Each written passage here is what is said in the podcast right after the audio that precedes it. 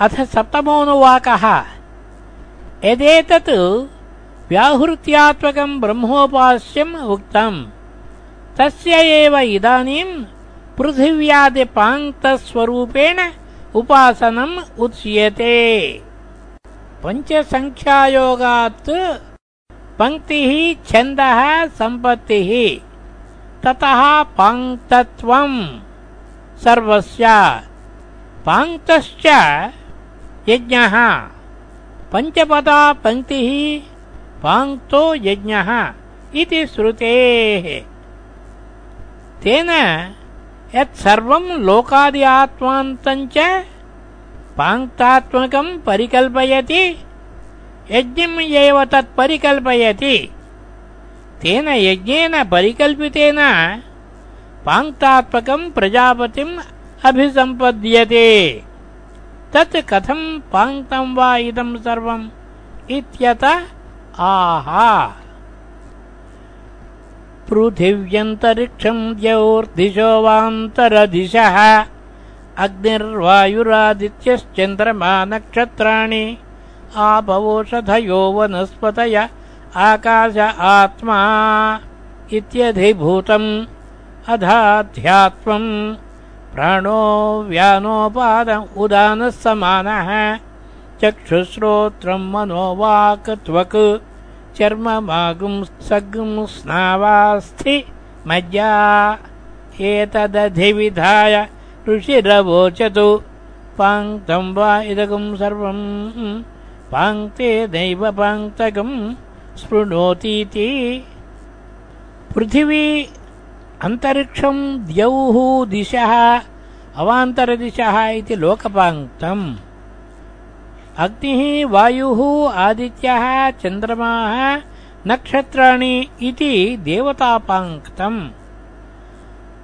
आपः ओषधयः वनस्पतयः आकाशः आत्मा इति भूतपाङ्क्तम् आत्मेति विराट् भूताधिकारात् इति अधिभूतमिति। अधिलोकाधिदैवतपाङ्क्तद्वय उपलक्षणार्थम्। लोकदेवतापाङ्क्तयोः द्वयोश्च अभिहितत्वात्। अथ अनन्तरम् अध्यात्मम् पाङ्क्तत्रयमुच्यते। प्राणादि वायुपाङ्क्तम्, चक्षुरादि इन्द्रियपाङ्क्तम्, चर्मादि धातुपाङ्क्तम्। एतावत् हि इदम् सर्वम् अध्यात्मम् बाह्यञ्च पाङ्क्तमेव इति एतत् एवम् अधिविधाय परिकल्प्य ऋषिः वेद एतद्दर्शनसम्पन्नः वा कश्चिद् ऋषिः अवोचत् उक्तवान्। किमित्याह?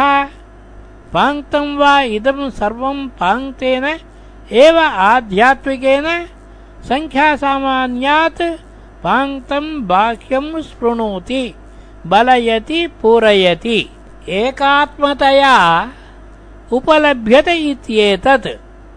एवम् पाङ्क्तम् इदम् सर्वम् इति यो वेद स प्रजापत्यात्मा एव भवतीत्यर्थः इति सप्तमानुवाक भाष्यम्।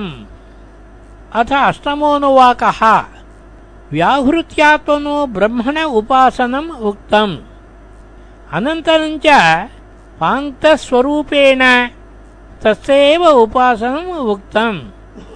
इदानीम् सर्व उपासनाङ्गभूतस्य ओङ्कारस्य उपासनम् विधित्स्यते परापरब्रह्मदृश्या उपास्यमान ओङ्कारः शब्दमात्रोऽपि परापरब्रह्मप्राप्ति साधनम् भवति। सः हि आलम्बनम् ब्रह्मणः परस्य अपरस्य च प्रतिमा इव विष्णोः। एतेन एव आयतनेन एकतरम् अन्वेति इति श्रुतेः। ओमिति ब्रह्म ओमिति इदगुम् सर्वम्। ओमित्येतदनुकृतिर्हस्म वा अप्योश्रावयेत्याश्रावयन्ति। ओमिति सामानि गायन्ति। ओगुं शोमिति शस्त्राणि शगुंसन्ति ओमित्यध्वर्युः प्रतिकरम् प्रतिगृणाति। ओमिति ब्रह्मा प्रसौति। ओमित्यग्निहोत्रमनुजानाति ओमिति ब्राह्मणः प्रवक्ष्यन्नाः। ब्रह्मोपाप्नवानीति ब्रह्मैवोपाप्नोति। ओमिति, इति शब्दः स्वरूपपरिच्छेदार्थः। ओम् इति एतत् शब्दरूपम् ब्रह्म इति मनसा धारयेत् उपासीत। यतः ओम् इति इदम् सर्वम् हि शब्दस्वरूपम् ओङ्कारेण व्याप्तम् तत् यथा शङ्कुना इति श्रुत्यन्तरात्। अभिधानतन्त्रम् हि अभिधेयम् इत्यतः इदम् सर्वम् ओङ्कार इति उच्यते। ओङ्कारस्तुत्यर्थम् उत्तरो ग्रन्थः उपास्यत्वात् तस्य। ओम् इत्येतत् अनुकृतिः अनुकरणम्। करोमि यास्यामि चेति कृतम् उक्तम् ओम् इति अनुकरोति अन्यः। अतः ओङ्कारो अनुकृतिः। ह स्म वै इति प्रसिद्धार्थद्योतकाः। प्रसिद्धम् ओङ्कारस्य अनुकृतित्वम्। अपि च ओश्रावय इति प्रैषपूर्वकम् आश्रावयन्ति। तथा ओमिति सामान्य गायन्ति सामगाः। ओम् शोमिति शस्त्राणि शंसन्ति शस्त्रशंसितारः अपि। तथा ओमिति अध्वर्युः प्रतिकरम् प्रतिगृणाति ओमिति ब्रह्मा प्रसौति अनुजानाति प्रैषपूर्वकम् आश्रावयति। ओमिति अग्निहोत्रम् अनुजानाति। जुहोमि इत्युक्तः ओम् इत्येव अनुज्ञाम् प्रयच्छति। ओमित्येव ब्राह्मणः प्रवक्ष्यन् प्रवचनम् करिष्यन् अध्येष्यमाणः ओमिति एव आहा। ओमित्येव प्रतिपद्यते अध्येतुम् इत्यर्थः ब्रह्म वेदम् उपाप्नवानि इति प्राप्नुयाम् ग्रहीष्यामीति उपाप्नोति एव ब्रह्म।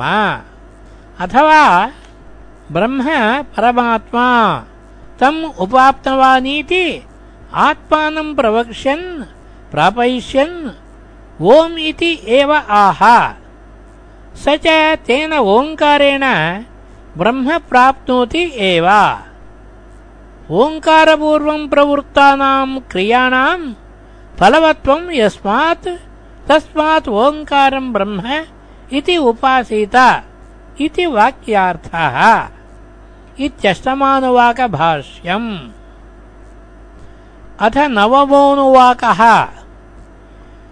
विज्ञानात् एव आप्नोति स्वाराज्यम् इति उक्तत्वात् श्रौतस्मार्तानाम् कर्मणाम् आनर्थक्यम् प्राप्तम् इति।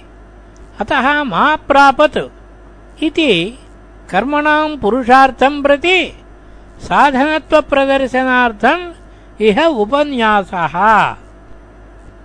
ऋतम् च स्वाध्यायप्रवचने च। सत्यम् च स्वाध्यायप्रवचने च तपश्च स्वाध्यायप्रवचने च। दमश्च स्वाध्यायप्रवचने च। शमश्च स्वाध्यायप्रवचने च। अग्नयश्च स्वाध्यायप्रवचने च। अग्निहोत्रम् च स्वाध्यायप्रवचने च। अतिथयश्च स्वाध्यायप्रवचने च। मानुषम् च स्वाध्यायप्रवचने च। प्रजा च स्वाध्यायप्रवचने च। प्रजनश्च स्वाध्यायप्रवचने च। प्रजातिश्च स्वाध्यायप्रवचने च।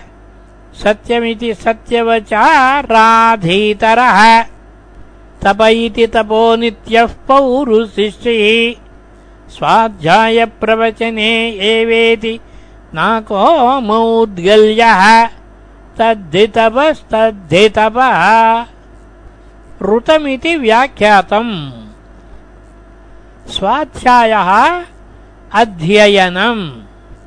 प्रवचनम् अध्यापनम्। ब्रह्मयज्ञो वा। एतानि ऋतादीनि अनुष्ठेयानि इति वाक्यशेषः। सत्यम् सत्यवचनम् यथा व्याख्यातार्थम् वा। तपः कृच्छ्रादि दमः बाह्यकरणोपशमः। शमः अन्तःकरणोपशमः।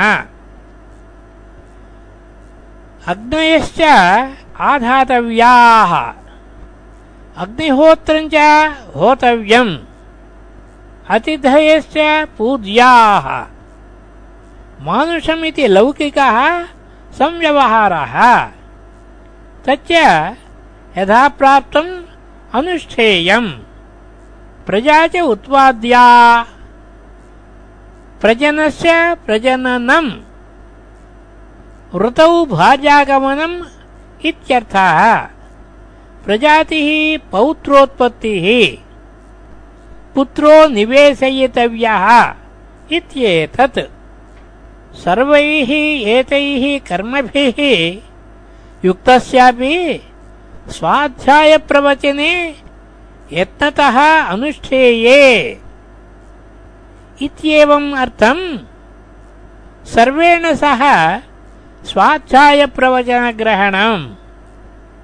स्वाध्यायाधीनम् हि अर्थज्ञानम्। अर्थज्ञानायत्तञ्च परम् श्रेयः। प्रवचनञ्च तत् अविस्मरणार्थम् धर्मवृद्ध्यर्थम् च अतः स्वाध्यायप्रवचनयोः आदरः कार्यः। सत्यमिति सत्यम् एव अनुष्ठातव्यम् इति सत्यवचाः सत्यम् एव वचो यस्य सः अयम् सत्यवचाः। नाम वा तस्य। राधीतरः, रधीतरस्य गोत्रः, राधीतरः आचार्यः मन्यते। तप इति, तप एव कर्तव्यम् इति, तपो नित्यः, तपसि नित्यः, तपः परः, तपो नित्यः इति वा नाम। पौरुशिष्टिः पुरुशिष्टस्य अपत्यम् पौरुशिष्टिः आचार्यः मन्यते। स्वाध्यायप्रवचने एव अनुष्ठेये इति नाकः नामतः मुद्गलस्य अपत्यम् मौद्गल्य आचार्यः मन्यते। तद्धितपस्तद्धितपः। यस्मात् स्वाध्यायप्रवचने एव तपः तस्मात् ते एव अनुष्ठेये इति। उक्तानामपि सत्यतपस्वाध्यायप्रवचनानाम् पुनर्ग्रहणम् आदरार्थम् इति नवमानुवाक भाष्यम्। अथ दशमोऽनुवाकः। अहम् वृक्षस्य रेरिवेति स्वाध्यायार्थो मन्त्राम्नायः। स्वाध्यायश्च विद्योत्पत्तये प्रकरणात्। विद्यार्थम् हि इदम् प्रकरणम्। न च अन्यार्थत्वम् अवगम्यते। स्वाध्यायेन च विशुद्धसत्त्वस्य विद्योत्पत्तिरवकल्प्यते। अहम् वृक्षस्य कीर्तिःपृष्ठम् गिरेरिव। ऊर्ध्वपवित्रो वाजिनीव। स्वमृतमस्मि। द्रविणगुंसवर्चसम् सुमेधा अमृतोक्षितः। इति त्रिशङ्कोर्वेदानुवचनम्। अहम् वृक्षस्य उच्छेदात्मकस्य संसारवृक्षस्य रेरिवा प्रेरयिता। अन्तर्याम्यात्मना। कीर्तिः ख्यातिः गिरेः पृष्ठमिव उच्छ्रिता मम। ऊर्ध्वपवित्रः। ऊर्ध्वम् कारणम् पवित्रम् पावनम् ज्ञानप्रकाश्यम् पवित्रम् परमम् ब्रह्म यस्य सर्वात्मनो मम। सः अहम् ऊर्ध्वपवित्रः। वाजिनि इव वाजवती इव। वाजम् अन्नम् तद्वति सवितरि इव इत्यर्थः। यथा सवितरि अमृतम् आत्मतत्त्वम् विशुद्धम् प्रसिद्धम् श्रुतिस्मृतिशतेभ्यः एवम् सु अमृतम् शोभनम् विशुद्धम् आत्मतत्त्वम् अस्मि, भवामि। द्रविणम् धनम्, सवर्चसम् दीप्तिमतु, तदेव आत्मतत्त्वम् अस्मि इति अनुवर्तते। ब्रह्मज्ञानं वा आत्मतत्त्वप्रकाशकत्वात् सवर्चसम्। द्रविणमेव द्रविणम्, मोक्षसुखहेतुत्वात्। अस्मिन् पक्षे प्राप्तुम् मया इत्यध्याहारः कर्तव्यः। सुमेधाः, शोभना, मेधा, सर्वज्ञत्वलक्षणा, यस्य मम सोऽहम् सुमेधाः। संसारस्थित्युत्पत्ति, संहारकौशलयोगात् सुमेधस्त्वम्। अत एव अमृतः अमरणधर्मा। अक्षितः अक्षीणः, अव्ययः अक्षतो वा। अमृतेन वा, उक्षितः सिक्तः। अमृतोक्षितोऽघम् इत्यादि ब्राह्मणम्। इत्येवम् त्रिशङ्कोः ऋषेः। ब्रह्मभूतस्य ब्रह्मविदः वेदानुवचनम्। वेदः वेदनम् आत्मैकत्वविज्ञानम्।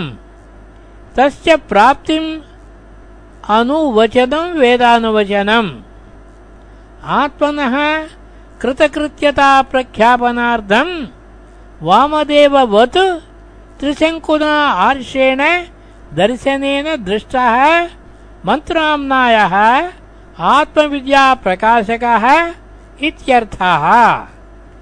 अस्य च जपः विद्योत्पत्त्यर्थो अधिगम्यते। ऋतञ्च इति कर्मोपन्यासादनन्तरम् च वेदानुवचनपाठात् एतदवगम्यते। एवम् श्रोतस्मार्तेषु नित्येषु कर्मसु युक्तस्य निष्कामस्य परम् ब्रह्म विविदिशोः आर्षाणि दर्शनानि प्रादुर्भवन्ति आत्मादिविषयाणि इति दशमानुवाकभाष्यम् अथ एकादशोऽनुवाकः। वेदमनूच्य इत्येवमादिकर्तव्यतोपदेशारम्भः। प्राक् ब्रह्मात्मविज्ञानात् नियमेन कर्तव्यानि श्रोतस्मार्तानि कर्माणि इत्येवमर्थः अनुशासनश्रुतेः पुरुषसंस्कारार्थत्वात्। संस्कृतस्य हि विशुद्धसत्त्वस्य आत्मज्ञानम् अञ्जसा एव उपजायते। वेदमनूच्याचार्योऽन्ते वासिनमनुषास्ति सत्यं वद। धर्मर स्वाध्यायान्मा प्रमदः आचार्याय प्रियम् धनमाहृत्य प्रजातन्त्रम् मा व्यवत्सेत्सी हि सत्यान्न प्रमदितव्यम् धर्मान्न प्रमदितव्यम् कुशलान्न प्रमदितव्यम् भूत्यै न प्रमदितव्यम् स्वाध्यायप्रवचनाभ्याम् न प्रमदितव्यम्। देवपितृकार्याभ्याम् न प्रमदितव्यम्।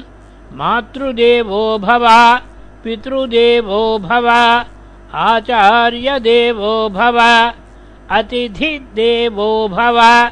यान्यनबद्यानि कर्माणि तानि सेवितव्यानि नो इतराणि यान्यस्माककुं सुचरितानि तानि त्वयोपास्यानि नो इतराणि एके चास्मच्छ्रेयागुंसो ब्राह्मणाः। तेषाम् त्वया आसनेन प्रश्वसितव्यम् श्रद्धया देयम् अश्रद्धया अदेयम् श्रिया देयम् ह्रिया देयम् भिया देयम् यदि ते कर्मविचिकित्सा वा वृत्तविचिकित्सा वा स्यात्। एतत्र ब्राह्मणाः सम्मर्षिदः युक्ता आयुक्ताः अलूक्षा धर्मकामा स्युः यथा ते तत्र वर्तेरन् तथा तत्र वर्तेथाः अधाभ्याख्यातेषु एतत्र ब्राह्मणाः सम्मर्षिणः युक्ता आयुक्ताः।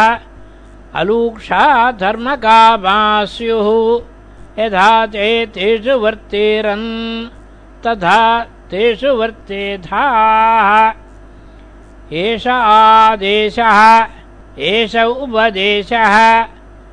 एषा वेदोपनिषदु एतदनुशासनम् एवमुपासितव्यम् एवमुचैतदुपास्यम् तपसा कल्मषं हन्ति विद्यया अमृतमश्नुते। इति स्मृतिः वक्ष्यति च तपसा ब्रह्मविजिज्ञासस्व इति। अतो विद्योत्पत्त्यर्थम् अनुष्ठेयानि कर्माणि।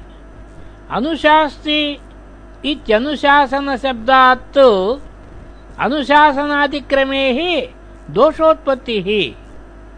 प्रागुपन्यासाच्च कर्मणाम् केवलब्रह्मविद्यारम्भाच्च पूर्वम् कर्माण्युपन्यस्तानि उदितायाम् च ब्रह्मविद्यायाम् अभयम् प्रतिष्ठाम् विन्दते।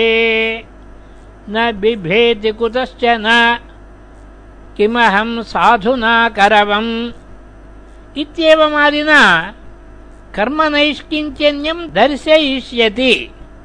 इत्यतः अवगम्यते पूर्वोपचितदुरितक्षयद्वारेण विद्योत्पत्त्यर्थानि कर्माणीति। मन्त्रवर्णाच्च अविद्यया मृत्युम् तीर्त्वा विद्ययामृतमश्नुते इति। ऋतादीनाम् पूर्वोत्तरोपदेशः आनर्थक्यपरिहारार्थः। इह तु ज्ञानोत्पत्त्यर्थत्वात् कर्तव्यतानियमार्थः। वेदम् अनूच्य अध्याप्य आचार्यः अन्तेवासिनम् शिष्यम् अनुशास्ति ग्रन्थग्रहणात् अनुपश्चात् शास्ति तदर्थम् ग्राहयतीत्यर्थः अतः अवगम्यते अधीतवेदस्य धर्मजिज्ञासाम् अकृत्वा गुरुकुलात् न समावर्तितव्यमिति। बुद्ध्वा कर्माणि चारभेत् इति स्मृतेश्च। कथमनुशास्ति? इत्यत आह। सत्यम् वद। यथा प्रमाणावगतम् वक्तव्यम् तत् वद। तद्वत् धर्मम् चर। धर्म इति अनुष्ठेयानाम् सामान्यवचनम्। सत्यादिविशेषनिर्देशात् स्वाध्यायात् अध्ययनात् मा प्रमदः प्रमादं मा कार्षीः। आचार्याय आचार्यार्थं प्रियम् इष्टं धनम् आहृत्य आनीय दत्वा विद्यानिष्करयार्थम् आचार्येण च अनुज्ञातः, अनुरूपान् दारान् आहृत्य प्रजातन्तुम् प्रजासन्तानम् मा व्यवच्छेच्छीः प्रजासन्ततेः विच्छित्तिः न कर्तव्या। अनुत्पद्यमानेऽपि पुत्रे, पुत्रकाम्यादिकर्मणा तदुत्पत्तौ यत्नः कर्तव्यः इति अभिप्रायः। प्रजा प्रजन प्रजातित्रय निर्देश सामर्थ्यात्। अन्यथा प्रजनश्च इति एतत् एकमेव अवक्ष्यतु। सत्यात् न प्रमदितव्यम् प्रमादो न कर्तव्यः। सत्यात् च प्रमदनम् अनृतप्रसङ्गः। प्रमादशब्दसामर्थ्यात् विस्मृत्य अपि अनृतं न वक्तव्यम् इत्यर्थः। अन्यथा असत्यवचनप्रतिषेधः एव स्यात्। धर्मात् न प्रमदितव्यम्। धर्मशब्दस्य अनुष्ठेयविशेषविषयत्वात् अननुष्ठानं प्रमादः। सः न कर्तव्यः। अनुष्ठातव्य एव धर्म इति यावत्। एवं कुशलात् आत्मरक्षार्थात् कर्मणः न प्रमदितव्यम् भूतिः विभूतिः। तस्यै भूत्यै भूत्यर्थात् मङ्गलयुक्तात् कर्मणः न प्रमदितव्यम् स्वाध्यायप्रवचनाभ्याम् न प्रमदितव्यम् स्वाध्यायः अध्ययनम् प्रवचनम् अध्यापनम् ताभ्याम् न प्रमदितव्यम्। ते हि नियमेन कर्तव्ये इत्यर्थः। तथा देवपितृकार्याभ्याम् न प्रमदितव्यम्। दैवपित्र्ये कर्मणि कर्तव्ये। मातृदेवः माता देवो यस्य सः। त्वं मातृदेवः भव स्याः। एवं पितृदेवो भव आचार्यदेवो भव अतिथिदेवो भव, देवतावत् उपास्याः एते इत्यर्थः। यानि अपि च अन्यानि, अनवद्यानि, अनिन्दितानि, शिष्टाचारलक्षणानि कर्माणि, तानि सेवितव्यानि, कर्तव्यानि त्वया। नो न कर्तव्यानि, इतराणि సామర్థ్యాన్ని శిష్టకృతాని అపి యాని అస్మాకం ఆచార్యాణం సుచరితాని శోభనచరితాని ఆమ్నాయాది విరుద్ధాని తాని ఏవ త్వయా ఉపాస్యాని అదృష్టార్థాన్ని అనుష్ఠేయాని నియమేన కర్తవ్యాని ఇది ఏతత్ నో ఇతరాణి विपरीतानि आचार्यकृतानि अपि। एके च विशेषिता आचार्यत्वादिधर्मैः अस्मतु अस्मत्तः श्रेयांसः प्रशस्यतराः। ते च ब्राह्मणाः न क्षत्रियादयः। तेषाम् आसनेन आसनदानादिना त्वया प्रश्वसितव्यम् प्रश्वसनम् प्रश्वासाः। श्रमापनयः। तेषाम् श्रमः त्वया अपनेतव्य इत्यर्थः। तेषाञ्च आसने गोष्ठीनिमित्ते समुदिते तेषु न प्रश्वसितव्यम्। प्रश्वासोऽपि न कर्तव्यः। केवलम् तदुक्तसारग्राहिणा भवितव्यम् किञ्च यत्किञ्चित् देयम्। तत् श्रद्धया एव दातव्यम्। अश्रद्धया अदेयम् न दातव्यम्। श्रिया विभूत्या देयम् दातव्यम्। ह्रिया लब्धया च देयम्। भिया भीत्या च देयम्। संविदा च मैत्र्यादिकार्येण देयम्। अथ एवं वर्तमानस्य, यदि कदाचित् ते तव श्रौते, स्मार्ते वा कर्मणि, वृत्ते वा आचारलक्षणे विचिकित्सा संशयः स्यात्। ये तत्र तस्मिन् देशे काले वा ब्राह्मणाः तत्र कर्मादौ युक्ता इति व्यवहितेन सम्बन्धः कर्तव्यः। सम्मर्शिनः विचारक्षमाः, युक्ताः, अभियुक्ताः। कर्मणि वृत्ते वा, आयुक्ताः, अपरप्रयुक्ताः। अलूक्षाः, अरूक्षाः, अक्रूरमतयः। धर्मकामाः, अदुष्टार्थिनः, अकामहताः इत्येतत् स्युः, भवेयुः। ते यथा येन प्रकारेण ब्राह्मणाः तत्र तस्मिन् कर्मणि वृत्ते वा वर्तेरन्? तथा त्वमपि वर्तेथाः अथ अभ्याख्यातेषु। अभ्याख्याताः, अभ्युक्ताः, दोषेण सन्दिह्यमानेन संयोजिताः, केनचित् तेषु च यथोक्तम् सर्वम् उपनयेत्। एतत्रेत्यादि एषः आदेशः विधिः एषः उपदेशः पुत्रादिभ्यः पित्रादीनामपि एषा वेदोपदिशत् वेदरहस्यम् वेदार्थ इत्येतत्। एतदेव अनुशासनम् ईश्वरवचनम्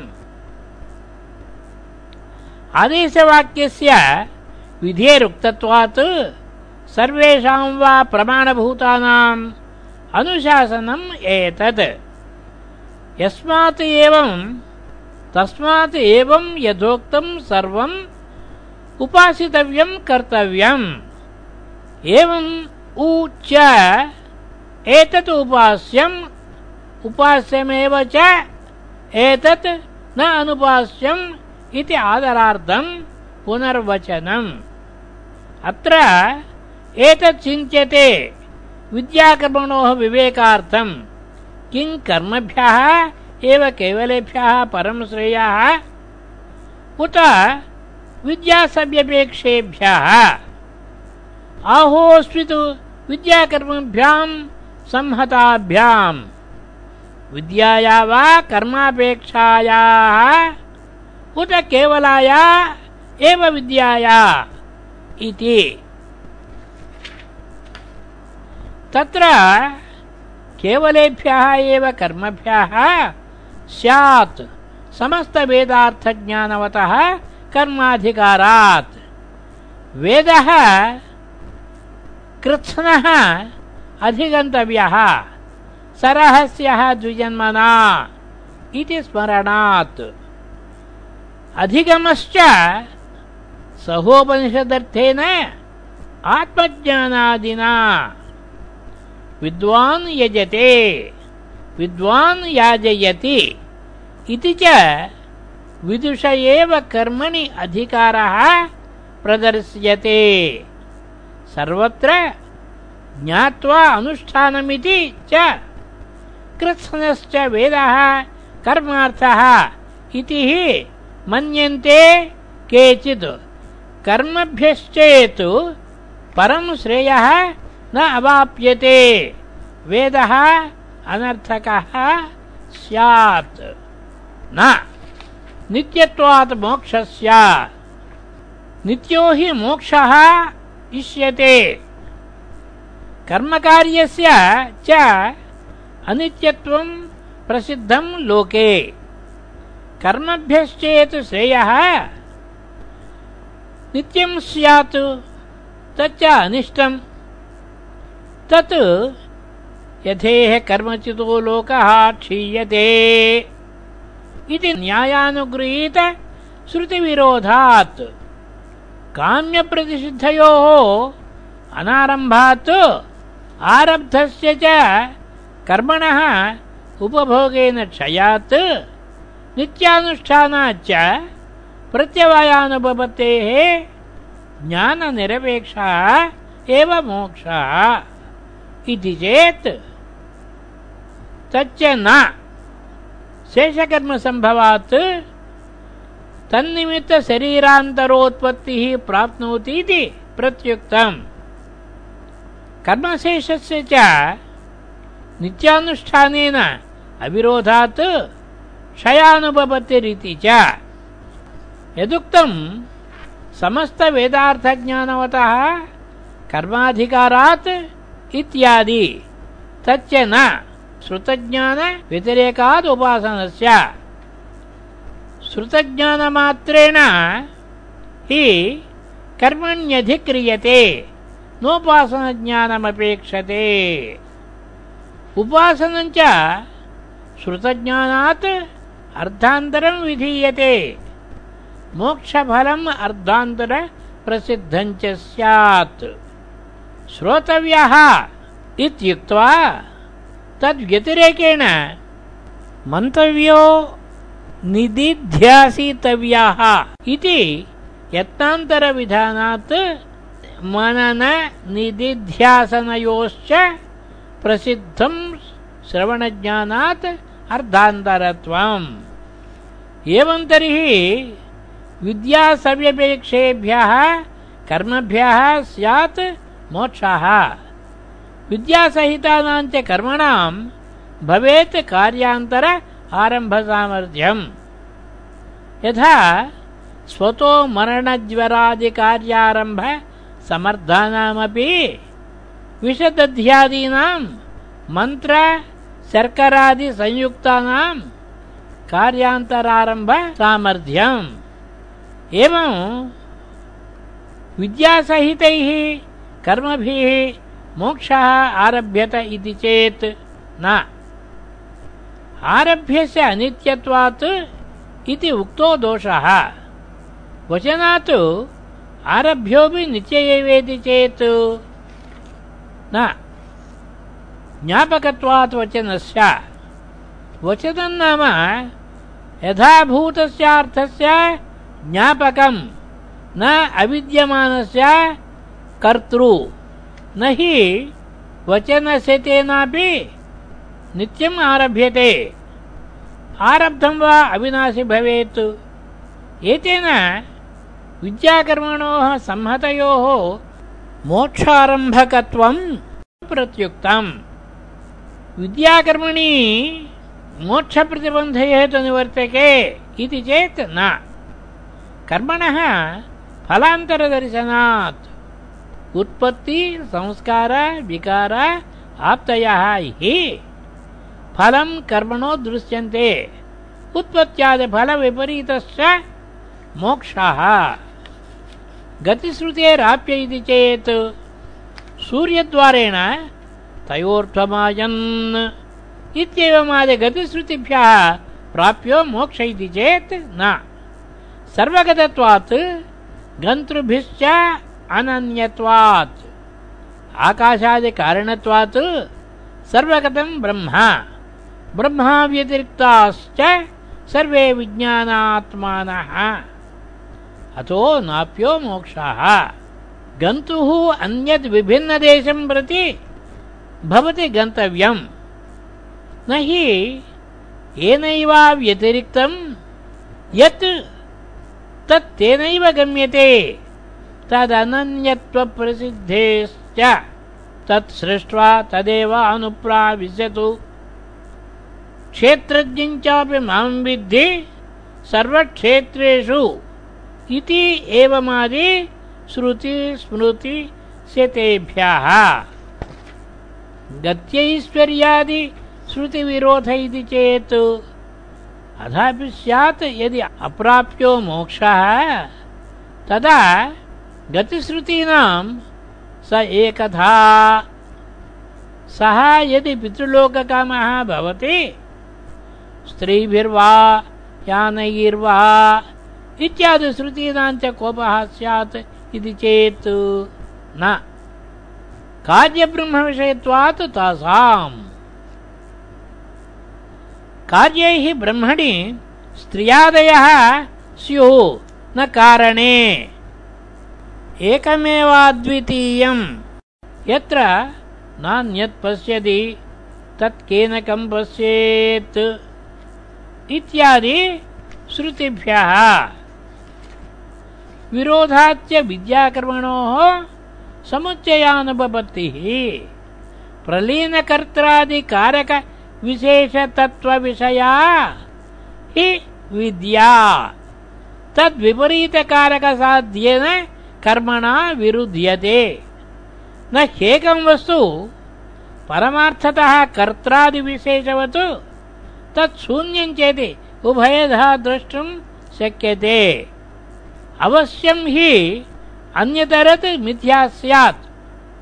अन्यतरस्य च मिथ्यात्वप्रसङ्गे युक्तं यत् स्वाभाविकाज्ञानविषयस्य द्वैतस्य मिथ्यात्वम्। यत्र हि द्वैतमेव भवति। मृत्योः समृत्युमाप्नोति अथ यत्रान्यत् पश्यति तदल्पम्। अन्योसावन्योऽहमस्मि उदरमन्तरम् कुरुते अथ तस्य भयम् भवति।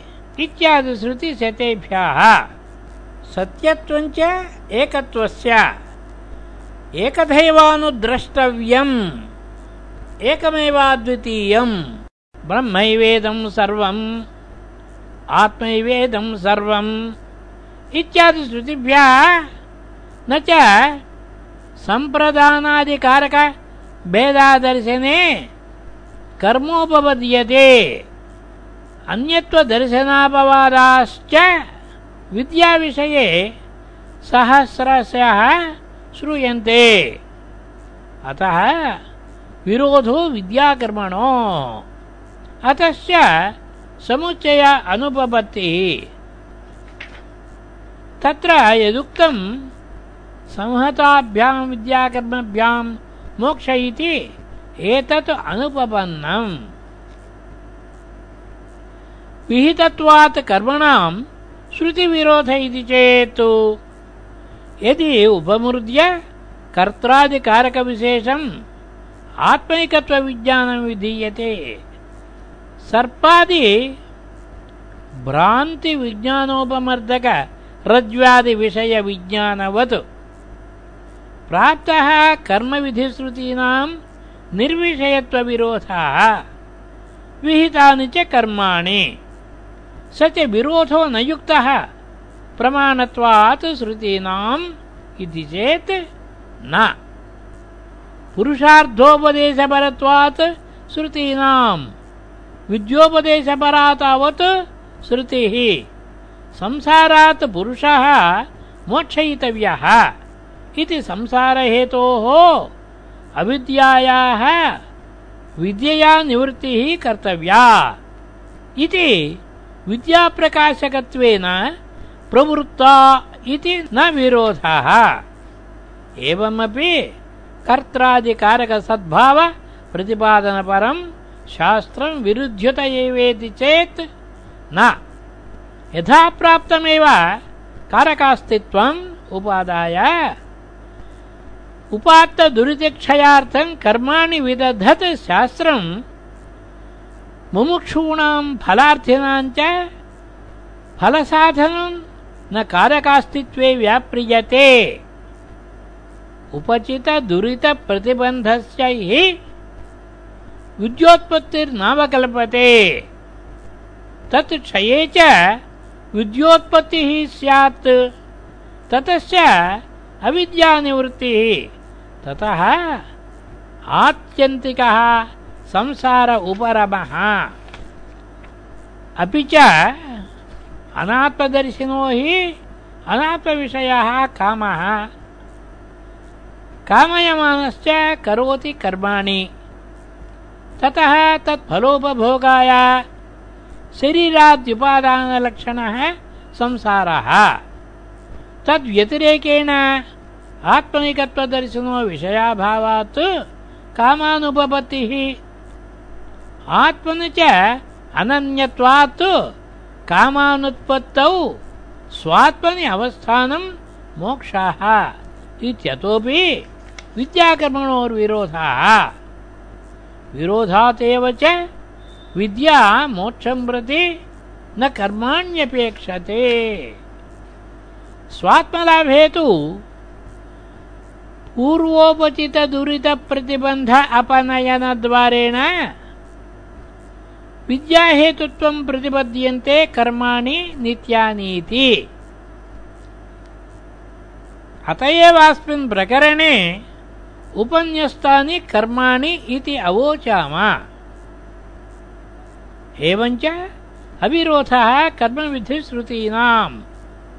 अतः केवलाया एव विद्यायाः परं श्रेय इति सिद्धम्।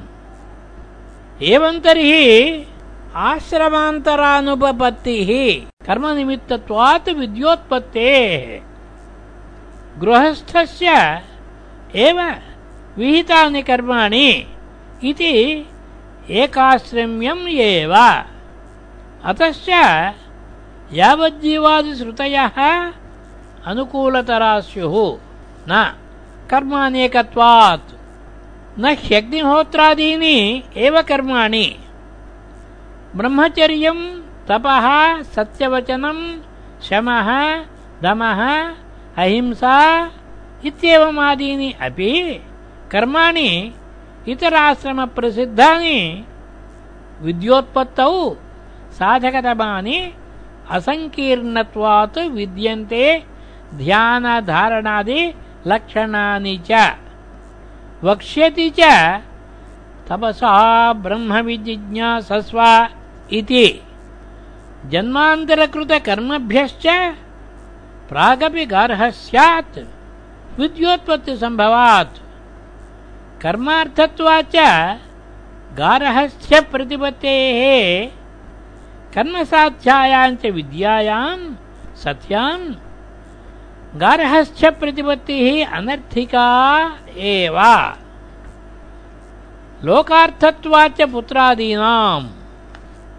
पुत्रादिसाध्येभ्यश्च अयं लोकः, पितृलोकः, देवलोकः इत्येतेभ्यो व्यावृत्तकामस्य नित्यसिद्धात्मदर्शिनः। कर्मणि प्रयोजनम् अपश्यतः। कथं प्रवृत्तिः उपपद्यते? प्रतिपन्नगारहस्थ्यस्यापि विद्योत्पत्तौ विद्यापरिपाकात् विरक्तस्य कर्मसु प्रयोजनम् अपश्यतः कर्मभ्यो निवृत्तिरेव स्यात्। प्रव्रजिष्यन् वा अरेऽहमस्मात् स्थानादस्मि। इत्येवमादि श्रुतिलिङ्गदर्शनात् कर्म प्रति श्रुतिः यत्नाधिक्यदर्शनात् अयुक्तमिति चेत् अग्निहोत्रादिकर्म प्रति श्रुतेः अधिकः यत्नः महांश्च कर्मणि आयासः। अनेकसाधनसाध्यत्वात् अग्निहोत्रादीनाम्। तपो ब्रह्मचर्यादीनाञ्च इतराश्रमकर्मणां गार्हस्थ्येऽपि समानत्वात्, अल्पसाधनापेक्षत्वात् च। इतरेषां न युक्तः तुल्यवत् विकल्प आश्रमेभिः, तस्य इति चेत् न। जन्मान्तरकृतानुग्रहात्। अयुक्तं कर्मणि श्रुतेरधिको यत्न इत्यादि। नासौ दोषः। यतः जन्मान्तरकृतम् अपि अग्निहोत्रादिलक्षणं कर्म ब्रह्मचर्यादिलक्षणं च अनुग्राहकं भवति, विद्योत्पत्तिं प्रति। येन जन्मना एव विरक्ताः दृश्यन्ते केचित्। केचित् कर्मसु प्रवृत्ताः, अविरक्ताः विद्याविद्वेषिणः।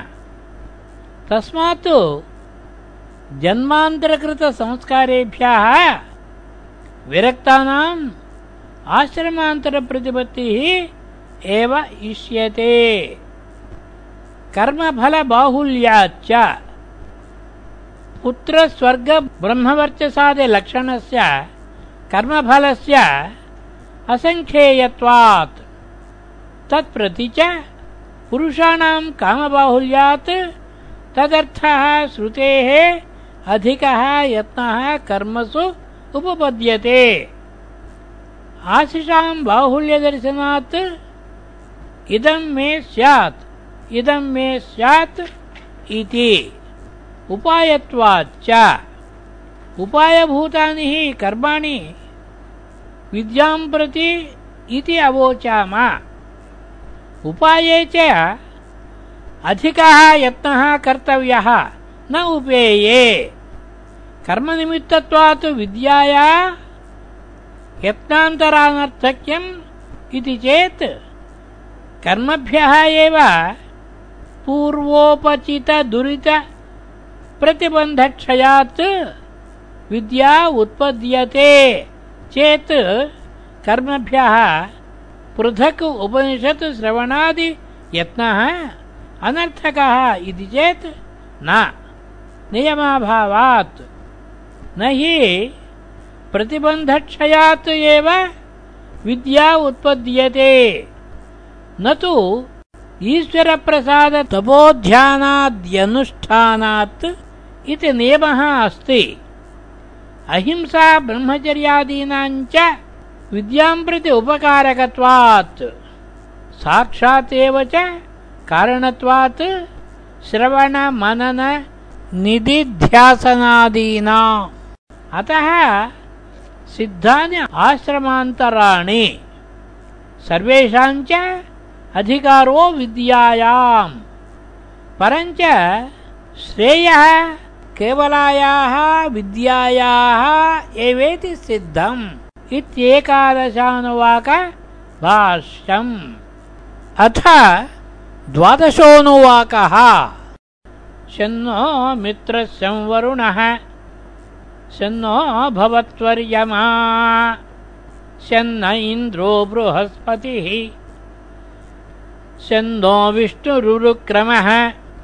नमो ब्रह्मणे। नमस्सेवायो त्वमेव प्रत्यक्षम् ब्रह्मासि। त्वामेव प्रत्यक्षम् ब्रह्मावादिशम् ऋतमवादिशम् सत्यमवादिशम् तन्मावीत् तद्वक्तारमावीत् आवीन्माम् आवीद्वक्तारम् ॐ शान्तिश्शान्तिश्शान्तिः इति द्वादशोऽनुवाकः इति श्रीमत्परमहंसपरिव्राजकाचार्य गोविन्दभगवत्पूज्यपादशिष्य श्रीमच्छङ्करभगवतः कृतौ तैत्तिरीयोपनिषद्भाष्ये शिक्षावल्ली समाप्ता